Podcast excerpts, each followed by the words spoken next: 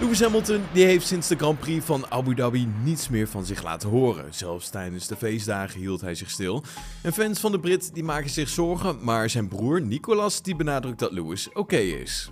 Hoewel teambaas Toto Wolff en Mercedes inmiddels weer van zich hebben laten horen, kan hetzelfde niet gezegd worden over Hamilton.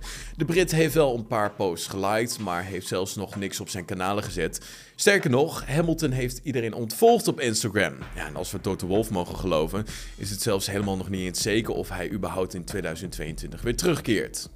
Inmiddels heeft Nicolas, de broer van Lewis, een korte update gegeven. Ik denk dat hij gewoon een pauze heeft wat social media betreft, zo vertelde hij tijdens een livestream op Twitch. Ik kan het hem niet kwalijk nemen. Social media kan een zeer giftige plek zijn, maar hij is oké, hij is in orde. Al dus de broer van Lewis Hamilton. Ja, dat social media erg toxic kan zijn, dat heeft ook Latifi aan den lijve ondervonden.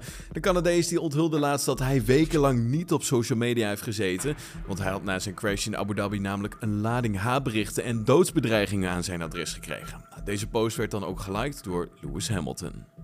Gaan we door naar de nieuwe teamgenoot van Hamilton. Want voormalig Formule 1-baas Bernie Ecclestone, ja, die moet het nog maar zien met George Russell. De 91-jarige Brit die is nog allesbehalve overtuigd van het talent van de vervanger van Valtteri Bottas. Ecclestone die ziet het enthousiasme rondom Russell, maar hij gaat er zelf niet in mee. Hij wil het eerst nog maar eens even zien, zo vertelt hij bij Bleak. Met Russell erbij zou Hamilton een ijverige teamgenoot krijgen, waarvan ik overigens nog niet zo overtuigd ben als veel anderen. Want naast de strijd tussen de teamgenoten moet het Duitse team ook nog rekening houden met Verstappen. Laten we daarnaast Verstappen niet vergeten. Hamilton heeft in hem eindelijk na al die jaren een waardige tegenstander gevonden. Aldus Bernie Ecclestone. En het team van Alpine heeft een prima Formule 1 seizoen achter de rug. De Franse renstal die wist tijdens de Grand Prix van Hongarije eindelijk weer eens een overwinning te pakken met Esteban Ocon. Ja, dit was de eerste overwinning sinds de Grand Prix van Japan in 2008. Dus ja, je kan je voorstellen dat de feestvreugde enorm was. En Alonso die wist ook weer zijn eerste podiumplek sinds 2014 binnen te halen. Dus dat was ook wel een mooie mijlpaal. En Alonso die kijkt er dan ook wel echt naar uit naar 2022 en heeft hoge verwachtingen.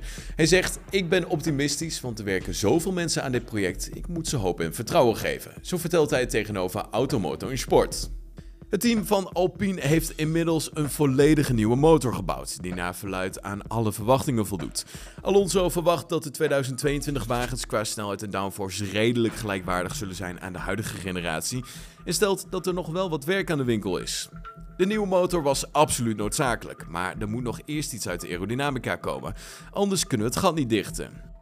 Ja, geen enkel team weet het hoe het er momenteel echt voor staat, waardoor de kansen redelijk gelijk opgaan.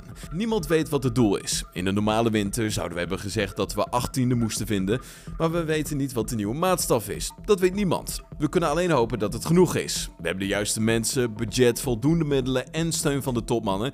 Ja, het is nu aan ons om er iets van te maken. De tijd van smoesjes is voorbij. En McLaren-teambaas Andrea Seidel die zag niets bijzonders aan de motor van Hamilton in Sao Paulo. De Duitser die vergelijkt de prestaties van de motor van Mercedes met die van zijn eigen krachtbron. En Seidel die zag geen gekke verschillen. Tegenover FormulaRapida.net zegt Seidel het volgende. Als ik naar de data kijk en we de gegevens van andere teams vergelijken, zie ik niet dat er een fenomenale motor in was gebouwd. Wel erkent dat de teambaas dat de nieuwe motor net iets harder kan draaien, waardoor het in de eerste race wel iets meer vermogen kan zijn. Een nieuwe motor heeft in vergelijking met een gebruikte motor meer vermogen vanwege de natuurlijke degradatie. En ja, dat levert enkele tienden op. Al dus Andreas Seidel. Een Alfa Romeo-coureur Valtteri Bottas die denkt dat de 2022-auto niet een ander gevoel zal hebben dan de huidige wagens.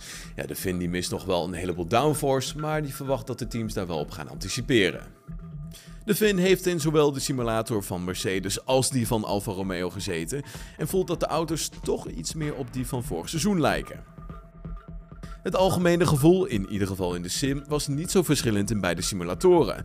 Ja, we kunnen het volgen van de andere auto's en dat soort dingen niet simuleren, maar het is niet gek anders. Misschien nog wat minder downforce, maar zoals ik al zei, daar komt verandering in. Al dus de Finn tegenover autosport.com. Ja, het staat wel een beetje haaks op wat Lando Norris eerder vertelde over de nieuwe auto, want die gaf juist aan dat er een andere rijstijl voor nodig is. Eentje die meer lijkt op de Formule 2. Nou goed, daarin wordt er meer gevochten met de auto om het maximale eruit te halen. Wel plaatste hij nog wel een kanttekening, want ja, de auto staat natuurlijk nog volop in ontwikkeling en het gevoel kan zomaar veranderen. En dat was hem dan, de weekcompilatie van deze week. Heb je genoten van deze aflevering? Laat je dan horen op onze Apple Podcast pagina of vergeet ons niet te volgen op Spotify. En dan zie ik je morgen weer. Tot dan. Hoi.